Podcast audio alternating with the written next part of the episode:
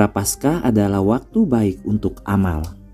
Senin 7 Maret bacaan Injil diambil dari Matius 25 ayat 31 sampai dengan 46. Sebelum anak manusia akan dikumpulkan semua bangsa dan dia akan memisahkan mereka seorang dari pada orang seseorang.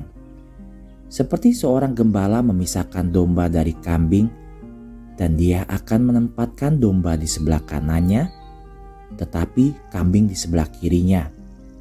Raja akan berkata kepada orang-orang di sebelah kanannya, "Datanglah, ya Bapakku yang diberkati mewariskan kerajaan yang Dia siapkan untukmu sejak dunia dijadikan.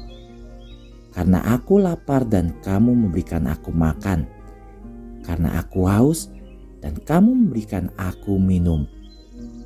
Saya adalah orang asing dan Anda menyambut saya. Saya telanjang dan Anda memberikan saya pakaian. Saya sakit dan Anda mengunjungi saya. Saya berada di penjara dan Anda datang kepada saya. Sesungguhnya saya katakan kepada Anda, seperti yang Anda lakukan kepada salah seorang dari saudaraku yang paling hina ini, kamu melakukan untukku.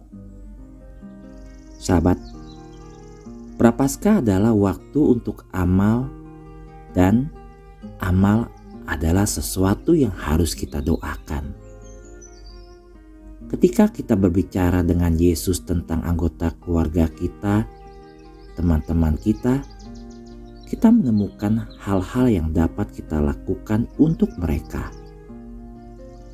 Jika kita tidak berdoa untuk mereka, kita menghabiskan hidup kita dengan kehilangan kesempatan untuk berlatih amal dengan orang-orang yang membutuhkan kita.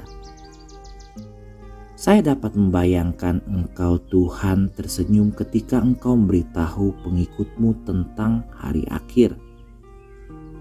Memikirkan jutaan miliaran tindakan amal yang akan dilakukan orang demi engkau sampai akhir zaman. Ada cerita sahabatku, suatu hari Santa Teresia dari Kalkuta diwawancara untuk sebuah program TV. Sebelum wawancara sebagai pengantar, mereka merekamnya melakukan berbagai tugas antara lain merawat beberapa penderita kusta.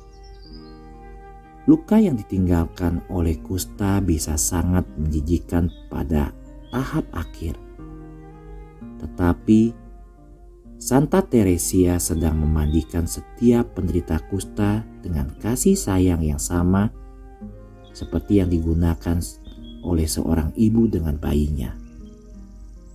Reporter itu yang tidak dapat menahan rasa jijiknya berkata dengan keras, "Saya tidak akan melakukan hal ini walaupun saya dibayar satu juta dolar." Santa Teresia memandangnya dengan damai dan menjawab, "Begitu juga denganku. Saya tidak melakukan ini untuk alasan yang lain selain untuk Kristus. Saya tahu bahwa setiap kali saya melakukan sesuatu untuk orang sakit, saya melakukan untuk Kristus karena saya melakukannya untuk Kristus." Yesus, saya membayangkan penampilan dan ekspresi wajahmu ketika saya bertemu denganmu di akhir zaman hidup saya dan engkau melihat semua yang saya lakukan untuk orang lain. Kemudian engkau akan tersenyum kepadaku dan suaramu yang indah akan berkata di depan semua malaikat dan ibuku.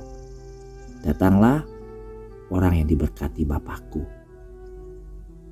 Santa Maria, harapan kami, penolong umat Kristen, doakanlah kami agar kami dapat bertumbuh dalam kasih amal selama masa prapaskah ini. Bunda Maria harapan kita dan tata kebijaksanaan, doakanlah kami.